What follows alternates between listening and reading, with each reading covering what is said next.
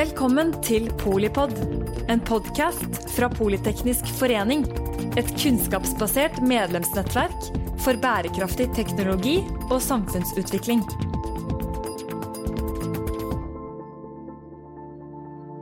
Hei og velkommen til denne podkasten om morgendagens luftfart. Luftfarten er en bransje som har relativt mange interesserte i forhold til størrelsen. Den har en verdiskapning som har svingt veldig, mellom 3,5 og 9 milliarder i brutto verdiskapning i 2015 2019. Eh, næringen den, eh, den sysselsatte 6000-7000 eh, personer, i tillegg til personer i verdikjeden rundt. Så det er en, en, næring som kanskje ikke er så stor, men får veldig stor oppmerksomhet. Og fra et samfunnsøkonomisk ståsted så er det jo en, en næring hvor det er mange markedssvikter som, som, inntreffer samtidig. Man har dette med fallende gjennomsnittskostnader, oligopolistisk konkurranse, Eh, eksterne virkninger knyttet til miljø og kollektiv godefunksjoner av infrastrukturen osv. Så, dette skal bli spennende. Og mitt navn er da Rasmus Bøgg Holmen. Eh, jeg er til daglig seniorforsker ved Transportøkonomisk institutt. Eh, sitter her i Oslo sentrum og representerer Polyteknisk forenings nettverk for samferdsel og samfunnsøkonomi.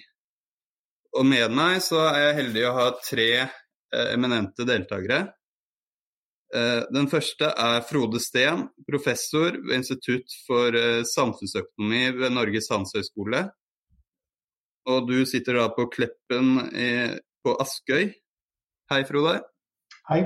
Hyggelig. Og så har jeg med meg Hans Jørgen Elnes, flyanalytiker vinner. Du sitter da i Skøyen Oslo. Hei, Hans Jørgen. Hei på deg, Rasmus. Og så har jeg med meg min kollega Harald Tune Larsen, seniorforsker og forhenværende forskningsleder eh, ved Transportøkonomisk institutt. Du sitter da på Nydalen. Hei, Harald. Hei sann. Eh, da tenkte jeg vi skulle begynne å diskutere eh, på det lokale nivå. Og da snakker vi om det regionale rutenettet, FOT-nettet. Som da står for forpliktelse til offentlig tjenesteyting. Eh, og nå, her er det jo sånn at eh, innenfor luftfart så kommer det jo ny, nye teknologier som kan påvirke dette markedet fremover. Eh, du har elektrifisering av fly. Eh, du har effektivisering, og droner kan etter hvert eh, gå. Eh, og Hans Jørgen, hvordan vil dette påvirke næringen og det regionale rutenettet fremover, og hvor fort vil det gå? Hvordan vil fleksibiliteten påvirkes? Det er i hvert fall veldig spennende det som skjer. og de, Det du nevnte her, Rasmus, om, om ny teknologi både på elfly og, og droner. Det, det, har jo vært snakket mye, spesielt fra, fra Widerøes side, om at Norge skal være et, et av de første markedene som, som tar i bruk ny teknologi. Og det skal ikke se bort fra kan komme til å skje. Og jeg, jeg, har jo litt tro på, på disse dronene, disse her, det vi kaller EVTOL. Eh, spesielt på korte distanser. Eh, de må jo være mye eh, lettere å håndtere. Du trenger ingen rullebane.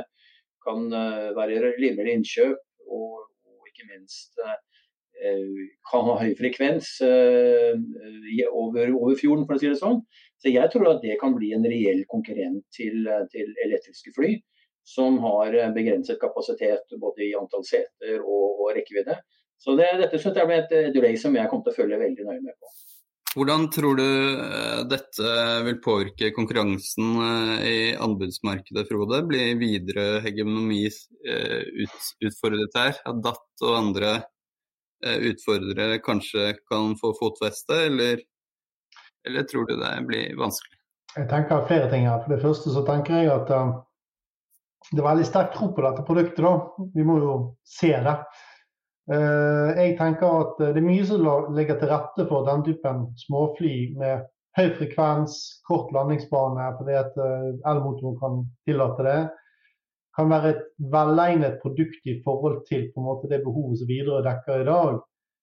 Men så kommer det dette med anbud. og jeg er glad at det vi ikke må få, er at eh, Widerøe og Luftfartsverket og andre rotter seg sammen og lager til en pakke som gjør at det passer bare akkurat de flyene som eventuelt kommer om fem eller ti år som nær sagt de har bestilt. Eh, for det har vel vært et problem med altså anbudsruten før, da, at de eneste som egentlig passer godt inn i dette, her er Widerøe.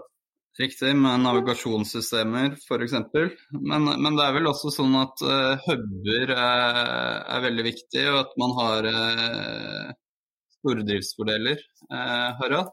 Altså, jeg ser det jo sånn at uh, slik situasjonen er i dag, så har jo Widerøe et de facto monopol på veldig mange av de fly, lokale flyrutene. Fordi det, det er de, bare de som har både fly og mannskap som passer inn der skal det skje noe stort der, så må det faktisk skje en teknologisk utvikling av noe slag. Og da tipper jeg at elfly kan være en sånn, en sånn løsning. Det er slik at Widerøe har eh, alltid veldig ofte en kombinasjon av kommersielle og, og, og eh, subsidierte passasjerer på de samme rutene. Den kombinasjonen gjør at Widerøe egentlig har en helt, helt unikt nettverk for å si, dominere FOT-rutene. Men, eh, men, Frode, det er vel ikke noe mål i seg selv å ha, ha mange aktører her, så lenge vi får Widerøe på to hev og de gjør jobben sin effektivt og, og tilbyr billige billetter? Altså, jeg, jeg, tror at, eh, som, eh, som, Harald sier her, Widerøe har vært en dominerende på kort, kortbanenettet vårt og, og, de statsfinansierte rutene i lang tid, og etablert seg ekstremt godt der. og gjør at har gjort at det har vært vanskelig for andre selskaper å, å komme inn. Men, men, det som jeg nevnte helt i begynnelsen her, Rasmus, det er jo at det kommer jo ny teknologi. Eh, og du kan si at mange har fokus på elfly. Jeg, jeg plukker litt opp dette her, disse litt større dronene EV2L, som vi kaller de. At der kan det komme inn andre aktører som kan drive den type operasjon. Uh, og ikke nødvendigvis noe som er veldig linket opp til et flyselskap, for det blir en helt annen måte å drive det på. Men spørsmålet er jo selvfølgelig om det norske markedet, og spesielt oppe i nord hvor vi har tøffe værforhold og sånne ting, er, er arnestedet for for å, utvikle og teste ut, uh, eller ikke teste ut, men for å prøve sånn ny teknologi. Uh, men jeg tror at det er, det er rom for, for, konkurranse, og konkurranse trenger vi. Og det trenger også videre. Eh, og det er jo ikke det at Widerøe ikke har ønsket å ha konkurranse selv, men det har faktisk vært spesielt mye tilbydere ute som kunne ha bydd opp idrettsdans når det gjelder å, å, å, prøve seg på mange av disse eh, fotorutene, spesielt i, i Nord-Norge. Så du tenker egentlig eh, private, lokale selskaper som driver litt sånn næringslivsflygninger, eh, Sunt Air og Fona fly og sånn, er, er, det aktører som kan komme inn, eller er det mer de, eh, de regionale eller lignende selskapene i andre land, eller er det Norwegian-avlegger, eller hvem er det som kan eh, utfordre dem? Jeg tror det kan komme helt nye. Vi ser jo at det er jo eh, Nordic Unman, hvis ikke jeg tar helt feil. De, jeg tror de også er, er selskap som kommer på børs som bare driver med, med droneaktivitet. Og jeg tror store droner, eh, og de som da har drevet i litt mindre type droner tidligere og holder på med det nå, de kanskje kan utvide sitt konsept til også bli eh, komme inn på, på dette segmentet her. For dette er jo noe helt annet enn å drive med med det fixed eh, som vi snakker om, med fly med vinger og propellere og jetmotorer. Riktig. Men eh, kan jeg Jeg får, jeg får lyst til å skyte til at uh, jeg er jo glad for Hans Jørgen er en sånn teknologi, teknologioptimist. da. Men, men uh, vi må jo ikke helt glemme to ting. Det ene er det at Widerøe opererer et av de tøffeste regionale nettverkene i verden. Det er, det, er, jo ikke noe enkel, enkel rutestruktur de de skal forholde seg til. Og, og, så har vi selvfølgelig alle disse problemene med at du, ha, du trenger et, måte, slags eh, et, et minirutenettverk for å drive lønnsomt, om noen andre skulle eventuelt etablere seg på det. Men, men, jeg tror på en måte at det er ganske mye skepsis i systemet her på hva skal vi si, nye aktører, nye produkter, når du plutselig har snøstorm rundt deg. ikke sant? Eh, nei, men ja, jeg tror på en måte at det er veldig vanskelig å se ned i veien når det gjelder hvor bra disse tingene kan bli, og hvor fort. For det er klart at det kommer det fort, det, Veldig ofte har vi opplevd før at det kommer fortere enn du tror. Men jeg har nok vært en av disse her litt gamle sure mennene som mener at denne troen til videre på at vi skal fly elfly eh, i neste anbudsperiode, det, det, tror ikke jeg så mye på. da. Riktig. En, en annen ting som også kan påvirke konkurranse på foten i Eh, rutene, er jo dette med luftfartsstruktur, da, hvis man går litt frem i tid. Eh, og Da har du jo flere steder hvor det har vært snakk om konsolidering av lufthavner, som jo kanskje vil påvirke konkurransesituasjonen. Som Lofoten, Helgeland, kanskje Finnmark. Og I tillegg så er det jo noen luft, lufthavner som er på Vestlandet og i Nord-Norge som er litt sånn offshore lufthavner. Eh, som etter hvert, hvis det fases ned aktiviteten, så vil det påvirke markedsgrunnlaget. Eh, har du noen tanker om det, Frode? Ja, altså jeg tenker at det er, dette er kanskje noe av det vanskeligste Kanskje noe av det viktigste vi kunne gjort noe med, og det er vanskeligst å få gjort noe med. Eh, fordi at Strukturen på lufthavnen i Norge den er på en måte veldig bundet opp i finansieringssystemet vi har i dag. Sånn, vi har et kryssubsidieringssystem som gjør at de store lufthavnene bærer de små og det er dekket av staten. Så at en, en, en uh, lokal ordfører som velger å legge ned flyplassen sin, det er jo som å gjøre haraki. Han, det, han, vil ikke si nei takk til en, en fri gave fra staten. Og, og dermed så er Problemet det at vi har en del lufthavner som i dag er egentlig ganske tett. Der det trolig kunne vært bedre å dreve en av de fram, fått bedre frekvenser, eh, mer fly osv. Men du får det ikke til lokalt. Eh, man kunne gjort som i Sverige for en del år tilbake. Man kunne sagt at la det ikke bli lokalt, men, oss eh, men si det at eh, det de gjorde da, var det, ærlig, var det de gjorde. De sa det at OK, sa de, her er pengene det koster å drifte denne lufthavnen til den relevante kommunen. Det får dere uansett hva dere gjør med pengene. Men, vi, men, men, men, det er pengene dere får. Resultatet var jo veldig fort at uh, man konsoliderte en del havner, lufthavner. Fordi at Man brukte pengene til å lage infrastruktur og finansiere den, sånn at én havn ble bedre løsning enn to eller tre. Jeg tror det er eneste måte å få det til på i Norge òg. Men nå må du være villig til på en måte å sende sentrale penger til lokal. lokalt. For ellers får du aldri gjort noe med dette. Vi brukte sikkert ti år på å få Fagernes eh, lukket. Det kostet altså 7000 kroner per pers at noen skulle fly på denne eh, lufthavnen. Og det var helt gale, Mathias. Men likevel så klarte vi også å bruke ti år på å legge ned.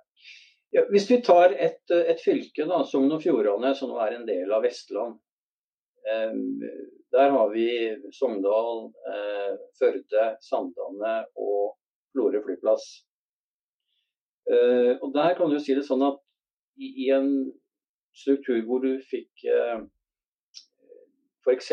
droner, da, så kunne man ha tenkt på at man kunne hatt én større flyplass i Florø f.eks.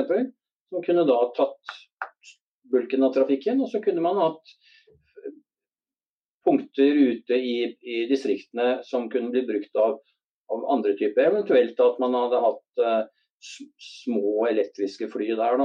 Uh, men det er jo vanskelig å få, altså, få dette til å gå opp. Mange tror at elektriske fly er så mye billigere enn andre fly. altså Selve innkjøpet tror jeg ikke blir så veldig mye billigere, men de blir billigere i drift. Så Uansett så vil det være en kostnad her.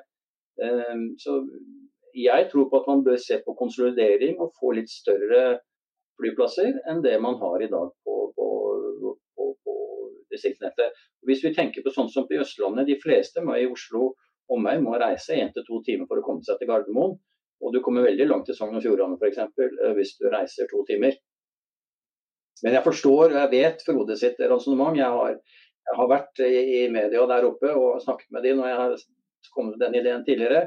Jeg forstår og har full respekt for at lokalpolitikken eh, skal råde der, men, men, man må eh, se på hvilke muligheter man har fremover. Riktig. Jeg tenker da at vi, vi, vi beveger oss videre, videre, til det nasjonale kommersielle markedet. Eh, og Da starter vi med etterspørseltrender. og da er det Litt av det handler jo da om å hente seg inn av korona. og I den forbindelse har vi fått synliggjort betydningen av digitalisering at man kan ha møter eh, digitalt istedenfor møtes fysisk, sånn som denne innspillingen er et eksempel på.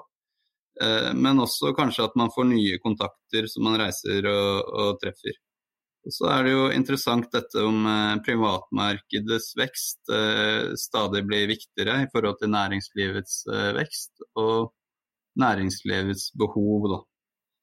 Så Harald, kanskje du kunne gitt oss litt innsikt på dette temaet? Altså, jeg har jo sett i, i mange år at uh, businessmarkedet i hvert fall har stagnert og at investeringer hadde gått ned. Og Det skyldes jo at selv før koronaen så var det mer og mer vanlig å sitte sånn som vi gjør nå. Men så kom denne pandemien, og da har man fått en eksplosjon i, i, i sånne videomøter. Etter hva jeg har skjønt uh, fra Avinor, så har jo businessandelen sunket dramatisk i, dette, i, denne pandemien. Og så selv om flytrafikken i, i oktober var innenlandstrafikken oppe i 83% av vanlig omfang, men andelen andelen businessreiser var mye lavere. Og Jeg tror dette kommer til å fortsette etter at pandemien er over, fordi at uh, folk har blitt mye mer vant Eller det har fått en eksplosjon i Eller en, eh, skal vi si, en akselerering av, av bruken av videokonferanse og sånne ting. Slik at uh, markedet vil lenge, eller kanskje for all framtid, bære preg av den, den, akselerasjonen som har skjedd i teknologisk utvikling på videokonferanseområdet. Selv gamle folk som meg har blitt vant til å bruke videokonferanse. Hans Jørgen, hva, hva har du å tilføye på dette? Jo, jeg, jeg støtter uh, Harald her. og det, uh, Når det gjelder forretningsreisesegmentet, uh, så har jo det hatt en nedadgående trend lenge før pandemien slo til, også i innenlands i Norge. Og jeg tror nok det at vi er veldig usikre på om, om dette segmentet kommer tilbake igjen på 2019-nivå. Både innenlands og, og internasjonalt etter, etter pandemien. På bakgrunn av det som vi, som vi, gjør nå, hvor vi sitter og har en, en, en podkast hvor vi sitter fire steder forskjellig i, i, i Norge. Uh, og ikke minst så, så, ser man at uh, business, for mange businesser så går det ganske brukbart, selv om man ikke møtes fysisk. Noen, noen, noen, markeder må man nok være mer på det. og møtes og ta hverandre i hånda for å close en deal. Og så tror jeg også at man vil kanskje bli målt mer på utslipp. altså Forretningspartnere vil få et element til som kommer inn i, i hele si, det dokumentet som man skal bli enige om. At det også involverer eh, utslipp i det prosjektet man har. Om man skal ha det i India, eller om man skal gjøre det i Indonesia, eller om det er i Sør-Amerika. Så, så, nei, jeg, jeg, er litt, jeg, er litt, pessimistisk når det gjelder eh, returen til av, av, av det forretningssegmentet. Jeg må jo bare få lov å si meg enig i sistnevnte. Men eh, samtidig så tror jeg det er en ting som er litt interessant. At Kostnaden med å ha et møte den er blitt veldig mye lavere. Det betyr òg at vi har mange flere møter. Det betyr at vi gjør en hel masse greier på møter som vi ikke gjorde før. ikke sant? Eh, og Samtidig så tror jeg ikke disse møtene fullt ut erstatter disse fysiske møtene. Så liksom, jeg tror vi kommer til å ha flere møter. Eh, vi kommer til å ha forferdelig mange flere digitale møter. Men jeg er ikke helt sikker på om ikke vi på et eller annet tidspunkt kommer tilbake til at vi ønsker å møtes fysisk ganske ofte. Vi, vi ser jo hva hotellene sier nå. De sier at eh, jo, de får konferanser, de får uh, bookinger og de, og de, får dette her på plass. Jeg tenker at jeg tror det er veldig vanskelig å spekulere i dette. her, For det at vi har en glasskule, og den glasskulen er grådig mushy akkurat nå. Nei, det, det, er jo åpenbart at det digitale er et uh, substitutt her. Men samtidig, så i hvert fall for min egen del, så har jeg fått en del kontakter under korona som jeg i utgangspunktet ikke ville hatt, kanskje, eh, uten de digitale møtene, som jeg nå kanskje skal møte fysisk. Så det kan jo være en, en liten motstridende virkning der. Um, men la oss gå videre til konkurransen på det nasjonale markedet. og Her, her skjer det jo mye spennende. Hva skjer med Norwegian, hva skjer med SAS? Eh, er Flyr, er det bærekraftig, eller blir det vår tids eh, Color Air? Og videre, hva med Ryanair og Wizz Air som endelig kom inn og ut, og KLM og alle de andre? Eh, Hans Jørgen? Ja, nå Akkurat når vi har dette, vår podkast her, så har det jo kommet et nytt element inn, en, en ny virus som, som vi ikke helt vet hvordan ting vil påvirke markedet. Men ja, hvis vi forholder oss til før vi visste noe om det, så så er det jo klart at eh, pandemien har jo hatt en veldig forskjellig innvirkning på litt forskjellige selskaper. SAS har økt gjelden sin, Norwegian har kvitta seg med gjelden sin. Eh, Flyr har kommet inn eh, med finansiert av markedet og heller ikke noe gjeld. Så det er jo klart at eh, Spørsmålet er jo hvor lenge dette kommer til å, å fortsette. Og hvem som står igjen som vinneren her, det, er veldig lett å si at det vil være Ryanair og, og Wizz Air, som da har krigskassen full med Ryanair i hvert fall på 4 milliarder euro som de kan bruke til hva som helst for å subsidiere prisene for å få passasjeren til å reise med de hvis det skal bli veldig trangt om hver eneste passasjer. Og, og, og kunne klare å fly to år uten inntekter, det er selvfølgelig noe som SAS aldri ville kunne gjøre, som har en betydelig høyere kostnadsstruktur. Mens eh, Norwegian kommer jo også godt inn nå, som har kvittet seg med, med, over 60 milliarder kroner i, eh, i gjeld. Eh, og har en skala per i dag 50 fly som gjør at de kan levere det jeg definerer som et dynamisk rutenett, både innenlands og utenlands. Og så har du type flyer som da kommer inn som, som, som en mindre aktør, som nå har en fire, fem, seks fly. Og som skal opp til ti fly her i løpet av 2022.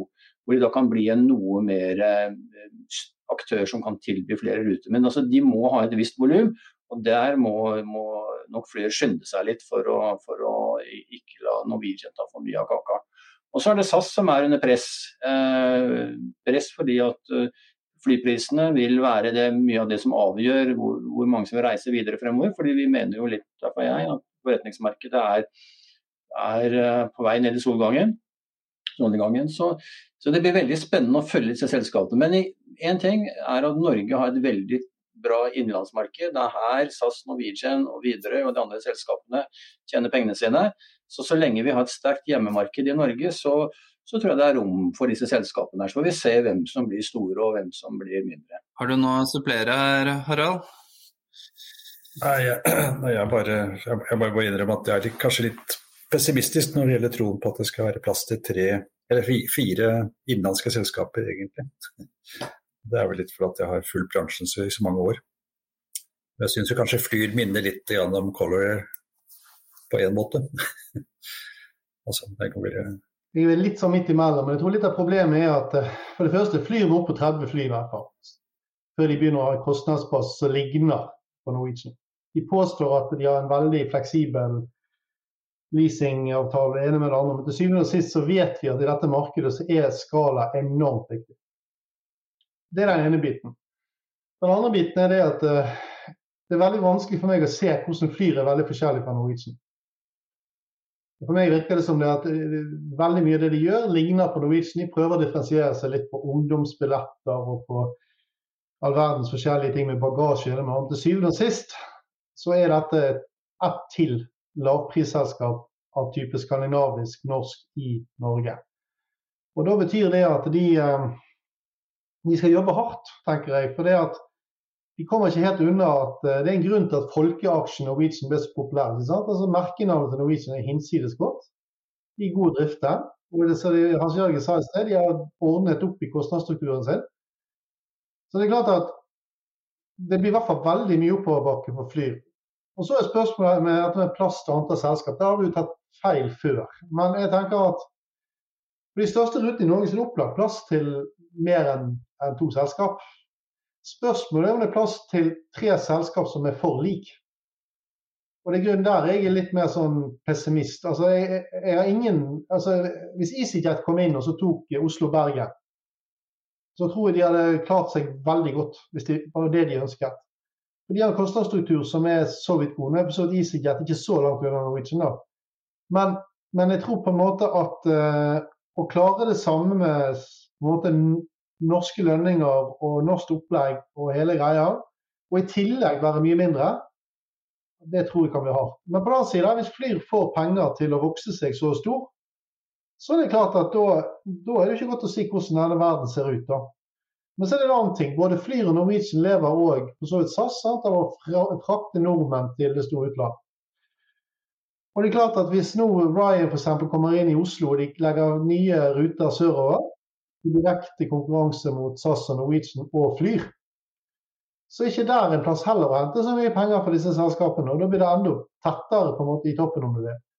Så jeg, jeg tenker på en måte at um, konklusjonen er ikke gitt. Og vi snakket i sted om at vi kanskje får nye nedstengninger. Men jeg, jeg, er ikke veldig optimist på vegne av at vi skal liksom tenke oss at vi sitter igjen med de samme tre selskapene om to, to år. Altså.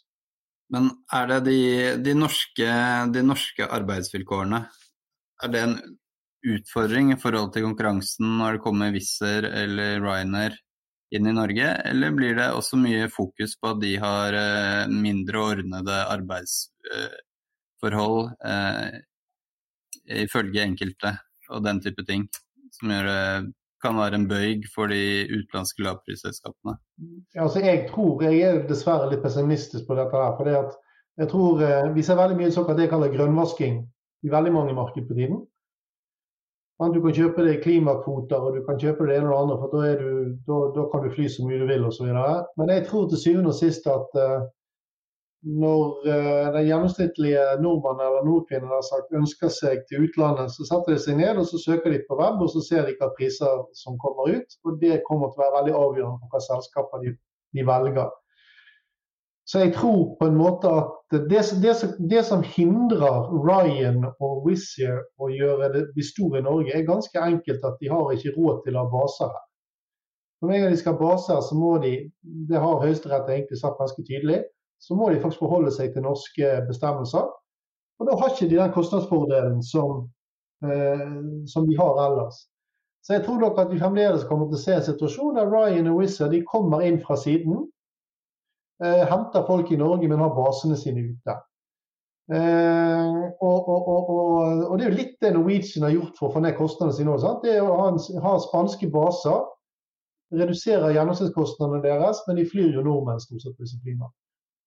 Eller, Span eller eh, folk fra Danmark eller Sverige. Så jeg tenker på en måte at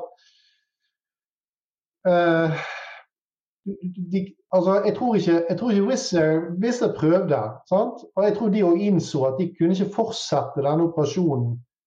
Og Jeg tror ikke det var så mye pga. at var, folk ikke ville fly med dem, men like mye det at de innså at på sikt var de nødt til å gjøre seg norsk på en del kostnadsparametere.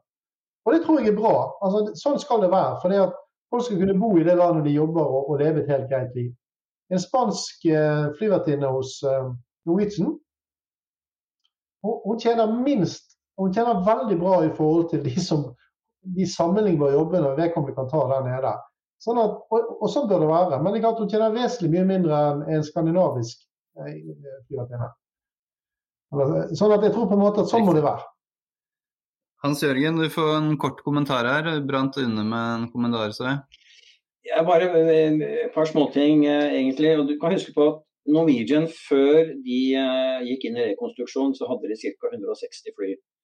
Og 36 av de var langdistanse. Boeing 787 Dreamlinere. Og da sitter de igjen med, med 120 fly som var kort- og mellomdistanse. Og da har du altså eh, I dag så har Norwegian 50 fly. 51. De skal ha i 2022 70. Og det vakuumet her, da, 70 til 120, det er 50 fly. Her ser jeg da og jeg tror fly tenker sånn at de må komme seg inn der. Og så må de komme, som Frode sier, de må komme fort opp på en viss skala. Slik at de har et, jeg bruker et dynamisk rutenett, så du kan fly både bra innenlands i Norge, i Skandinavia og i Europa. Hvis ikke de klarer det, så tror jeg det kan bli tungt for flyer å, å, å, å holde seg gående i, i lang tid. Um, hvis ikke de kommer dit. Ok, neimen supert. Eh, da foreslår jeg at vi går videre til det europeiske markedet. Eh, og Der er det også noen eh, interessante etterspørselstrender. Altså Korona er jo én ting, og så har du en trend med kanskje mer miljøfokuserte konsumenter og reguleringer. I forhold til norske kronen så er jo den eh, svakere på lenge. Og du har også kanskje på sikt en eh, litt annen næringsstruktur i Norge som kan påvirke noe. Eh, så jeg vet ikke om, om du har noen tanker på dette, Frode? Nei, jeg har egentlig ikke så veldig mye tanker på det. Jeg tror på en måte de rammebetingelsene vi snakker om, eller oljepriser eller dollarkurser og ene med det andre, jeg tror på en måte, dette har variert hele tiden i bransjen. Og det er fordi at oljeprisen varierer hele tiden. Vi har så utrolig mange gøye uttalelser vi kunne henvist til om folk som sier at olje som koster 10 dollar om to år, og det skal koster 80 dollar om to år. Så jeg tror på en måte at det, det, det, dette er liksom I fagtermini kaller vi det for random walk. Eh, det betyr at det er veldig vanskelig å predikere.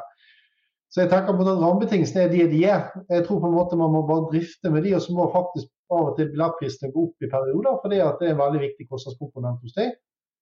Men jeg tror liksom ikke det, det, påvirker det egentlige bildet, for det er på en måte noe alle flyselskap i hele verden må forholde seg til uansett. Har du noe å supplere på med Harald? Ja, jeg tenker jo kanskje altså jeg, jeg, har egentlig ikke så veldig mye innblikk i det europeiske markedet utenom det som går til fra Norge. Eh, men mitt inntrykk er jo at den, eh, det fallet vi har sett i kronekursen de siste årene, det har jo medført at nordmenn faktisk reiser mindre til utlandet enn en, en de gjorde før. I hvert fall stagnert, og antagelig gått litt ned. Så det som har reddet uh, de, de, flyene som går til og fra Norge, da, det er rett og slett utlendinger som har hvor det har vært en eksplosiv vekst. Et typisk eksempel er at det har vært en fantastisk vekst i Tromsø, hvor du har uh, nordlysturismen. Ja, for det, det, er jo et, et, element der sånn på sikt, selv om det er mye random walk, at, uh, at man mindre, har en mindre petroleumsavhengig økonomi i Norge. Eh, og kronens kronekursen kanskje vil reflektere det til en viss grad. Eh, men eh, hvis vi tar for oss eh, konkurransen her, da. Hvem er det Ryanair og Wizz Air igjen, og disse internasjonale traverne BA og KLM og Lufthansa som, som er de fortsatt konkurrenter i det europeiske markedet for de norske flyselskapene og SAS, eller er det andre som også blir viktige, Hans Jørgen? Eh, hvis vi tar bare kort bakteppe her da, eh, og ser på, på eh, ser Europa under så, så, har nå lavprisselskapene de har over 50% av totaltrafikken eh, for første gang. Tidligere så har det vært nettverksselskaper som du nevnte, SAS, British Airways, KLM, Lufthansa eh, og en rekke andre som har hatt flydd flest passasjerer. Men nå er det lavprisselskapene som tar over det. Eh, og det er klart at pris vil være helt avgjørende eh, fremover, etter hvert som eh, man kanskje forventer at eh, næringslivstrafikken vil, vil, trekke seg ned. Da er det klart at da vil disse selskapene være ekstremt aggressive. Og de har også en, en, en, en de har masser av kapital som de kan bruke for å slå seg inn i markeder. Men det er ikke alltid det virker. Jeg prøvde seg i Norge, de fikk det ikke til her rammebetingelser gjorde det vanskelig, pluss eh, at pandemien traff de. Og vi vil også si det sånn at det er vel Lavprisselskapene har ikke gjort det spesielt godt i Skandinavia. Hvis du måler, altså Ryanair, Wizz og de andre, hvis du måler mot hvordan de har fått det til ellers i Europa. Så Det betyr at de norske og skandinaviske selskapene, Norwegian, SAS, eh, Widerøe og kanskje etter hvert Fly, har, står veldig sterkt sånn merkevaremessig sett i Norge. og Derfor så betaler man også litt mer for å fly med de. Så Det er ikke lett å komme seg inn her. Men det er klart, hvis pris blir avgjørende og kapasiteten er der, ja klart så vil disse bli brysomme for eh, de skandinaviske aktørene. Vi ser jo, vi var innom dette med luftfartsstrukturen tidligere. og Da er det jo sånn at, eh, at eh, en del av luftfartsstrukturen i Norge, Avinors luftfartsstruktur, bygger opp under at man flyr inn gjennom uh, Oslo, og så sluses uh, ut uh, til andre steder i landet. Da, eventuelt inn i andre, en av de andre store lufthavnene. mens man kunne jo tenkt seg at man hadde egne lufthavner på reiselivsdestinasjoner som Sogn eller Lofoten, som, som vi var inne på i stad. Og så ser du eh, Selen ved Trysil, Scandinavian Mountains Airport på den svenske siden, da, er jo et eksempel på en sånn flyplass. Eh, kommer til å se mer av den type ting fremover, Frode? Ja, det kan du jo si. Men jeg, jeg, tenker, jeg tenker faktisk bare helt ærlig når det gjelder Jeg syns Lofoten er et godt eksempel. Vil vi virkelig ha flere mennesker til Lofoten? Altså, Vi er litt sånn i ferd med som reisedestinasjon å ødelegge vårt eget produkt. Fordi at du, du, kan jo sette Hvis du tar liksom antall bobiler og antall folk i Lofoten på sommeren nå, så er det klart at det er nesten ubehagelig mange. Og da er det spørsmålet på en måte om vi virkelig Det er noe som får sette seg ned og tenke gjennom på en måte hvor mange båter vil vi ha inn til diverse fjorder i Norge, og hvor mange folk vil vi ha der. For det skal være en slags optimalitet i dette, sånn at ikke produktet blir ødelagt. Så Jeg syns kanskje det at uh, noen burde tenke litt gjennom det. Og, og, det, og, og det, sånn at ikke vi liksom lar styres helt av at ja, bare det blir billig nok å fly dit, så, så fyller vi opp hver minste lille hytte, liksom. Hva tenker du om dette, Hans Jørgen? Jo, jeg, jeg var jo inne på det her litt tidligere eh, om, eh, i, i, min lille historie omkring Sogn og Fjordane og, og ha en litt, litt større rulle, lengre rullebane da f.eks. i Florø. Eh, og jeg, jeg, tror, jeg er enig med Frode at man er forsiktig med den, eh, og at man ikke bygger opp turismen for hurtig. Men jeg tror man må, man, må tenke litt lengre her.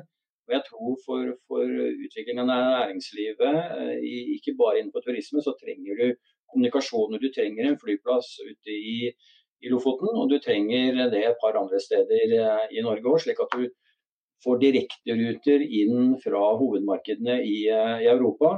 Jeg tror ikke man skal tenke langdistanse over Atlanteren på disse type destinasjonene, men at man kan fly med det som tar en par hundre passasjerer, Boeing 737 og, og Airbus 320-familie. Da trenger man rullebaner som er lenge, lange nok for det. Og så må man da bygge opp dette over tid og sørge for en infrastruktur som ivaretar turismen. Og Så kan man da kanskje få det på helårsbasis. Så det blir mindre fokus på at det blir veldig mye peak-trafikk på sommer og et par andre, par andre, tider på året, men at man får fordelt trafikken over hele året, slik at uh, den blir gode inntekter og arbeidsplasser for, uh, for, uh, for, de som da er ute i distriktene som vi snakker om her. Eh, jeg vil lyst kommentere at det er jo ikke sånn at jeg mener at vi ikke skal ha turisme og ikke skal la det være en vekstnæring, men jeg tror bare det at vi har, veldig, vi har ikke så veldig bevisst forhold til hvor fort det vokser. Uh, dernest er det jo også sånn at det er jo litt interessant, dette kan sikkert Harald bekrefte, sånn, som har vært i dette gamet mye lenger enn meg i hvert fall. Uh, altså, Det er mye snakk om at man vil utvide rullebaner rundt omkring, for da skal man kunne få ned større fly og da skal man få flere folk. og Det er vi enige om. Men på den annen side så er mitt inntrykk at så snart du har nådd disse 2100 meterne som gjør at du kan ta ned de store flyene, så får du charter ut som resultat. For da kan folk reise på tur, ikke sant. Men, men, men jeg, jeg, jeg, eh, jeg, har veldig tro på For ta en liten historie fra Sortland som jeg syns var veldig god. Jeg var ute i Myhre for mange mange år siden, og så sa ordføreren der at eh, de hadde fått til vekst den dagen veien inn til Sortland ble god nok. For da kunne folk bo i Myhre og jobbe i Sortland. Og det er på samme måte, jeg tror at Får du noen sterke regionale flyplasser, så kan du, om du, du tar de ut med droner eller med busser, eller hva du gjør, så er poenget at du kan på en måte da kan du få til denne regulære helårstrafikken på en god måte. Det tror jeg er en god måte å tenke på. Og det ville løst mange av disse problemene vi har med lufthavnstrukturen vår. Men jeg tror det kreves litt arbeid for å få til løsninger der man klarer å bli enige om hvor disse her eh, eventuelle hubene da, skal bygges opp. ikke sant? Jeg tenker du kan kommentere kort på det, Harald, og så kanskje også si noe kort om, eh, om charter sin andel. Om, eh, om, det fortsatt er sånn de er stabilt trafikk, og, men andelen eh, går ned, eller hvordan det blir? Altså, jeg har inntrykk av at inn, innkommende charter til Norge det har liksom aldri vært noen stor suksess, har jeg følelsen av. Men utgående? Utgående charter, det, det har jeg inntrykk av er et veldig stabilt marked. Man har et noenlunde jevnt antall mennesker som bruker charter fra år til år til år. Og den veksten som har vært, det har da stort sett vært i, i rutemarkedet. Og ikke minst da i form av utlendinger som da ferierer i Norge på noe vis. Riktig. Nå begynner vi å ha brukt en del tid, men vi, vi må komme innom dette med interkontinentale flygninger. Da. Eh, når det kommer i gang igjen. Om det ble, blir North Atlantic Airways, eller om de havner i samme situasjon som Filier eh, gjorde for noen år siden, som aldri fikk luft under vingene. Eller blir det Norwegian eller SAS, eller kommer dette ordentlig i gang? Og blir det da internasjonale travere i Europa?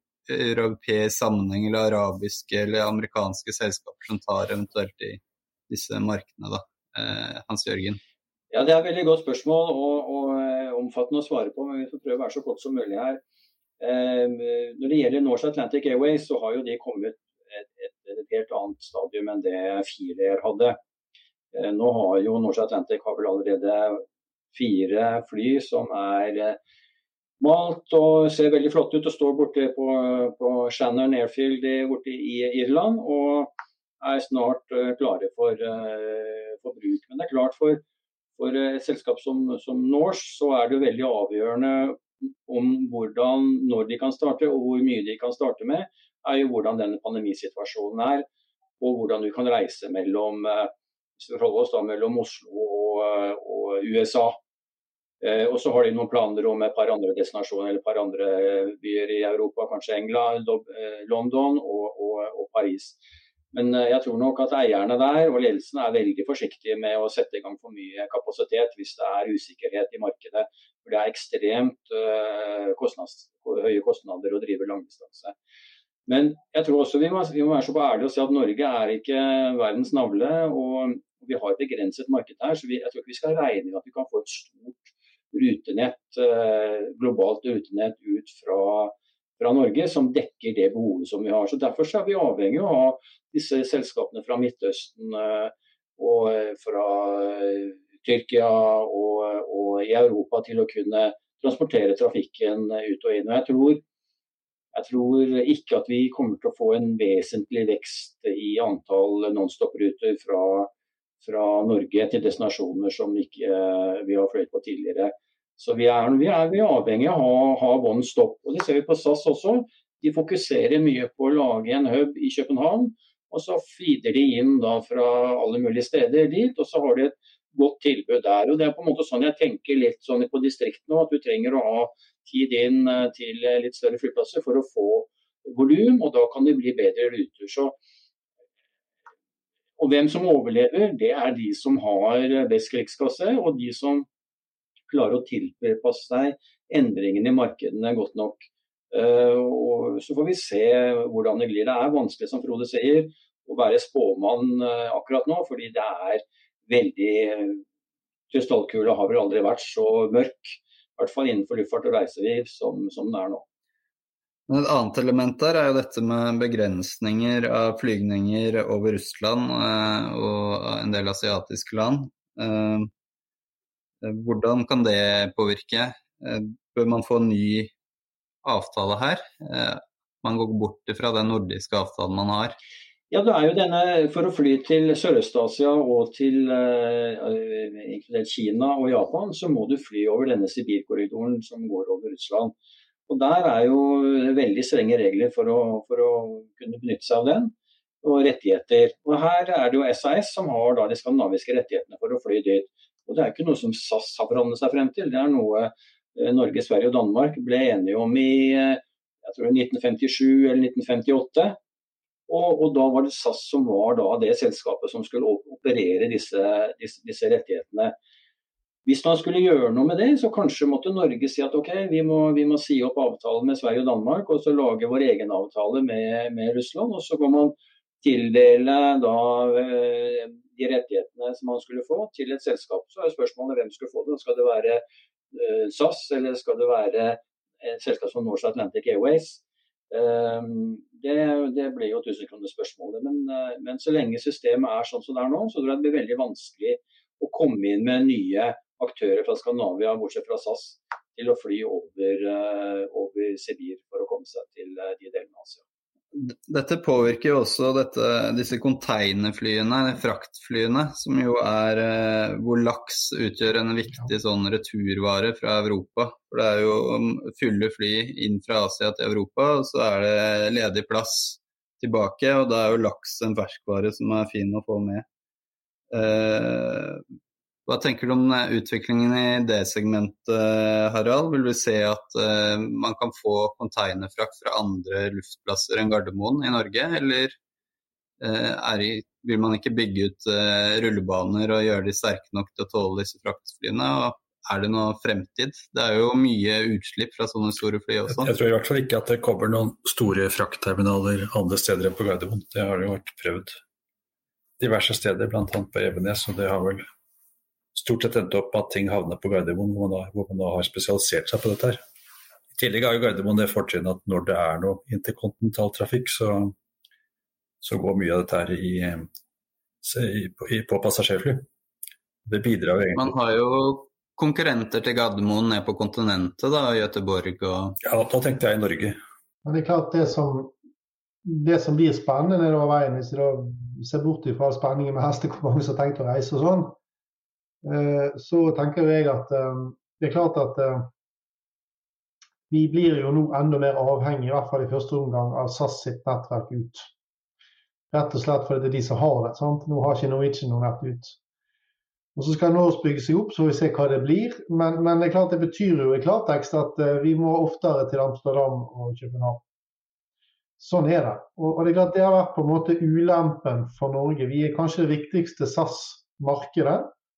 Men huben ligger ikke i Oslo. Sant? Den ligger i, i, den ligger i København, og det, det, vil den fortsette å gjøre. Så det er klart at det, det, det, er jo interessant. Og det andre som er interessant, men det er jo det at det ikke er tvil om at Norwegian utover pris de utløste en del trafikk rett og slett for at det var direkte. ikke sant? Altså, Du sparte jo masse tid, og det var veldig enkelt å stikke, stikke av gårde fra Oslo til New York om du kunne bare hoppe på flyet.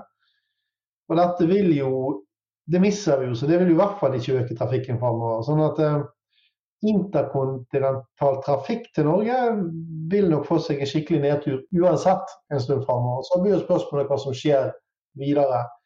Jeg har jo før sagt folk har spurt meg hva jeg tror nå, så jeg tror de har et veldig bra konsept. fordi at de, de skal reindyrke noe.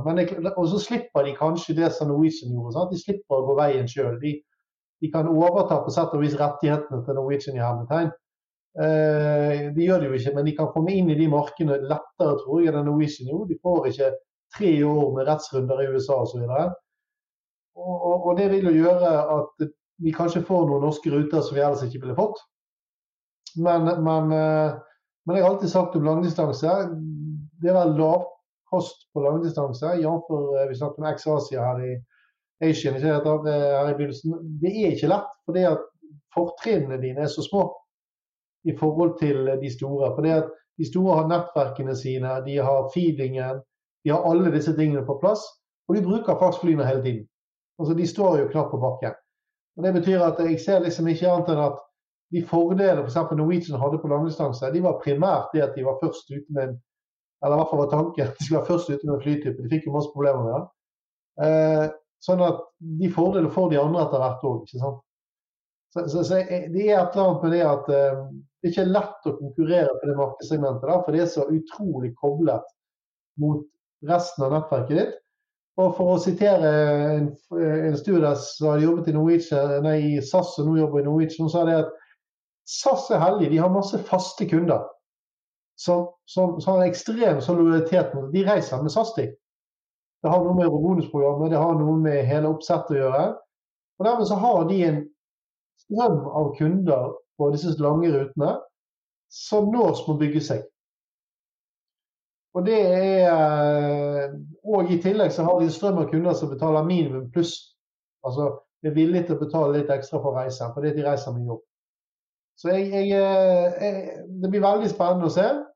Men de er i hvert fall ikke blåkopi av noe av det som finnes i markedet. da. De er jo en egen greie, og det er jo det spennende i seg sjøl.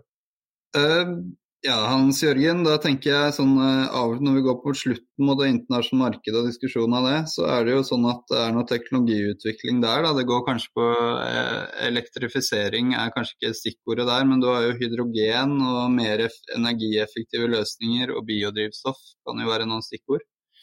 Eh, noen kommentator på det, og på dette med betydning av regulering innenfor luft. Eh, luftfarten av både miljøreguleringer og i forhold til luftfarts, eh, lufthavnsavgifter og den type ting. Du kan jo se nå, eh, Rasmus, så var jo nylig så var denne COP26-konferansen eh, borte i, eh, i, i Glasgow. Og der, der, var ikke luftfarten var ikke øverst på agendaen der. Der var det, var det industri. Og det endte jo med noe at man skulle prøve å redusere på kull. Og En av grunnene til det er jo at luftfarten er vel den eneste industrien i verden, industrisektoren i verden som har, har, en klar målsetning, og det skal være nullutslipp eh, per 2050. Og så er det jo veien dit. da, og Vi har jo vært litt innom nye teknologiske vinninger og sånne ting, som kommer kanskje på korte ruter og, og begrensede områder til å begynne med. Så da trenger jo luftfarten i en periode å ha tilgang f.eks. til eh, en overgangsperiode her. Ikke politikere og sett for mange krav til de som, som, som, gjør det vanskelig for den industrien å overleve. Så da er jo det vi kaller sustainable aircraft fuels, eller biofuel på norsk, er jo det man da gjerne vil eh, bruke for å redusere utslippene. Men problemet der er at tilgangen på denne, denne biofuelen den er veldig begrenset. Og det er svært få land og stater som på en måte har brukt det provenyet som de har tatt inn i si, miljøorienterte avgifter. F.eks. flypassasjeravgiften, som, ble, som når den kom ble, ble omtalt som miljøavgift. Det fikk vi når jeg jobbet i Ryanair, stoppet. Og det, det, var vel med det rette også. At den måtte kalles det den var. Så det er en utfordring. Og så kan jeg si at um, man må komme igjennom den overgangsperioden før teknologi er på plass. Og Så er det spørsmålet da hva er ny teknologi? Og på langdistanse så er eh, det ren batteridrift. Det er ikke gjennomført sånn som man kan tenke i dag. Det blir altfor tungt eh, å drosse med seg alle disse batteriene. Så der ser man på en rekke forskjellige ting. Og der tror jeg at hydrogen, brenselceller, som da gir energi til et batteri, en batterifunksjon som da driver en turbin, er, er eh, en mulighet. Det kommer også et selskap som heter Zoom borti USA, som skal begynne med prøve seg med, med overlydsfly. Som også skal drives av eh, da, bærekraftig biofuel. Men jeg er helt sikker på at luftfarten kommer til å komme på plass i tide. Og det kommer til å komme ny teknologi som sørger for at folk kan reise akkurat sånn som vi reiser i dag, bare slippe ut eh, nesten eh, next to nothing. Um, og alle prognoser viser at veksten i luftfart, de som skal reise, den fortsetter selv om pandemien virker mot, gir en veldig motvind. Så jeg, jeg, har veldig tro på teknologiske nyvinninger. Jeg skal ikke skrive i stein hva det blir, men jeg er helt sikker på at det blir noe. Kanskje ikke noe vi har tenkt på engang. Nå syns jeg vi har hatt en, en veldig fin gjennomgang. og Før vi går inn for landing, så tenkte vi kunne ta en sånn avsluttende runde skal nevne, Vi er jo noen tema vi heller ikke har vært så mye inn på. Dette med den nedadgående, eller omstillingen inn, i forhold til offshore og flygninger og helitrans og hvordan dette går. Og også dette med verdikjeden nasjonalt, hvordan man kan tenke at den, eh, den eh, skal struktureres eh, annerledes i fremtiden. Så Det er jo noe dere kan tenke på hvis dere har noen spesielle resonnement knyttet til det, men det, dere står jo ganske fritt Eh, til å kommentere det dere ønsker. Da. Og si avsluttende ord, men ikke for langt. Da starter vi med deg, Harald. Altså, jeg syns det har vært en veldig interessant diskusjon. Jeg lurer fremdeles på hva disse dronene egentlig dreier seg om. Jeg lurer fælt på om folk virkelig vil eh, godta at man har et eh, system hvor man blir fraktet uten en pilot, for det er vel det en drone er. men, men, jeg tror det er jeg, har veldig stor tro på elektrifisering av luftfart sånn generelt. fordi jeg tror eh, for, for 30 år siden så laget jeg en analyse av eh, klimautslippene i norsk transport. og da Det stemte ikke så forferdelig gærent, men jeg hadde aldri hørt om elektrifisering den gangen. Nå, og For 2007 så prøvde jeg å kjøre en elektrisk bil, den var helt grusom. Men nå har jo elektriske biler blitt det som dominerer Norge omtrent. Og jeg ser all grunn til å tro at det samme kommer til å skje med elektriske fly eh, på sikt. I hvert fall før 2050. Ok, Frode? Ja, jeg tror jo òg det skulle være framover så kommer vi til å få en altså elektrifisering noe av det første vi ser. Men samtidig så tenker jeg at eh, da må man òg få til det som man sliter med. og det er jo det at eh, Batterier er heller ikke nødvendigvis bare miljøfantastisk det er jo eh, det er noe med de, hvordan de produseres som, som, som vi òg må få orden på nedover veien. Sånn sett så har jeg litt mer tro på hydrogen. For det at den ser man jo mulighet for å kunne produsere uten eh, CO. da. Det, eller utslipp. da, og Det er jo det som på en måte er hele greia her. Vi må få til det. Skal vi få til å fortsette å fly så mye som vi gjør, og at vi skal få vekst. Og vekst får vi nok. Um, og så tror jeg jo at selv om jeg er litt sånn pessimistisk på vegne av folks uh, klimapreferanser når det, gjelder, det kommer til egen lommebok, så tror jeg at det vil endre ting. Dels òg gjennom at store kjøpere uh, og bedrifter og, og, det offentlige antakeligvis kommer til å gjøre grep der som gjør at man må forholde seg mer til det. Og, og, og sånn at eh, selv om vi skal få vekst framover, så nå må vi bare prøve å glemme at vi vet veldig lite om eh, det som heter covid, enda kanskje noen år ned i veien, så tenker jeg at eh, jeg vil bli overrasket om vi har denne nær eksponentielle veksten som vi har hatt en stund, eh, videre framover. Rett og slett fordi at da må iallfall teknologien òg bli veldig eksponentiell. for å få det til. Fordi det vil være så mye krav om utslipp og annet som gjør at, det, at ikke, vi antageligvis kommer til å få se litt mer begrensninger framover på det. Flott. Hans Jørgen? Ja, nei, Jeg stiller meg jo bak både Harald og, og Frode jeg, på dette her. Og, og det er, det er det, Vi er litt tidlig i løpet for å på en måte se hvilken, hvilken exit det blir her på teknologi og, så, og, og dette her. Men, men jeg, jeg, jeg, er ganske overbevist om at reisevolumet ikke kommer til å endre seg um, når denne pandemien har, har roet seg litt. Derimot skulle det bli sånn at det blir en evighetspandemi som, som legger begrensninger på, på, dette her, som vi ikke vet noe om i dag, så vil det kanskje påvirke eh, noe. Men, men, alle prognoser og alle som på en måte driver innenfor tung industri, eh, tung produksjon av fly og deler til, til, til fly og alt innenfor det, de, de har inkludert meg sjøl, vi, vi, har tro på at de neste 20 årene blir ganske bra. Eh, selv om man ser at veksten i verden innen luftfarten den, den, flytter seg østover. og Det er de store markedene i Asia som nå overtar, og det er der veksten er. og Der vil jo mye av dette være innenlands. Så tenkte jeg bare skulle nevne også for slutt Vi har jo snakket om utslipp, og vi har ikke vært så godt i detalj på akkurat hvor er det utslippet i stor grad kommer fra. Men det er langdistanse som er den store fanten i rommet.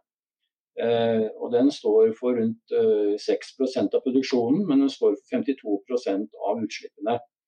Og det, det, det, er det som gjør det veldig komplisert. Eh, og som Frode sa, hvilke rammer skal man da forholde seg til der? Og Det er der man faktisk trenger å få en løsning på andre energi, eh, energikilder som kan, eh, kan, drive flyene. Og der, jeg, jeg tror vi, vi kommer på plass på det. Jeg, jeg er helt sikker på at det løser seg. Det gjelder vel kanskje en, enda mer spesielt uh, disse store fraktskipflyene som uh, flyr lange strekninger? Ja, du kan si at uh, mange fly har vært bygd om, eldre fly, eller ikke eldre fly, men liksom eldre teknologi har vært bygd om til å bli fraktfly. og jeg tror nok at eldre fly på generell basis de må nok regne med å bli satt på bakken. Og så Det blir for dyrt, utslippskostnadene blir for dyre. Eh, for de, men, men, da eh, bygger man kanskje om da moderne fly som egentlig skulle fly passasjerer, til å, å, å, å transportere frakt. Jeg, jeg, ganske, jeg ganske tro på at flyfrakt kommer til å få en ganske boost jeg, etter pandemien. Eh, når man ser hvor effektiv flyfrakten er i forhold til mye av det som går på sjø og, og land. Flott. Eh, du har hørt på Polypodden Morgendagens luftfart i Politeknisk forenings nye podkastserie Morgendagens næringsliv. Mitt navn er Rasmus Bøg Holmen ved TØI, og jeg har vært Politeknisk forenings representant ved denne podkasten. Og jeg ønsker å takke våre gode deltakere, Frode Steen ved NHH, Hans Jørgen Elnes ved Vinner og Harald Tune Larsen ved TØI. Og ikke minst Takk til deg som hørte på. Husk å sjekke ut den nye, pod nye podcaster ved Politeknisk forenings eh, Polypod. Takk for nå. Takk for at du lyttet til Polipod fra Politeknisk forening. Få med deg flere episoder, eller bli med på nettverksmøtene som du finner på at polyteknisk.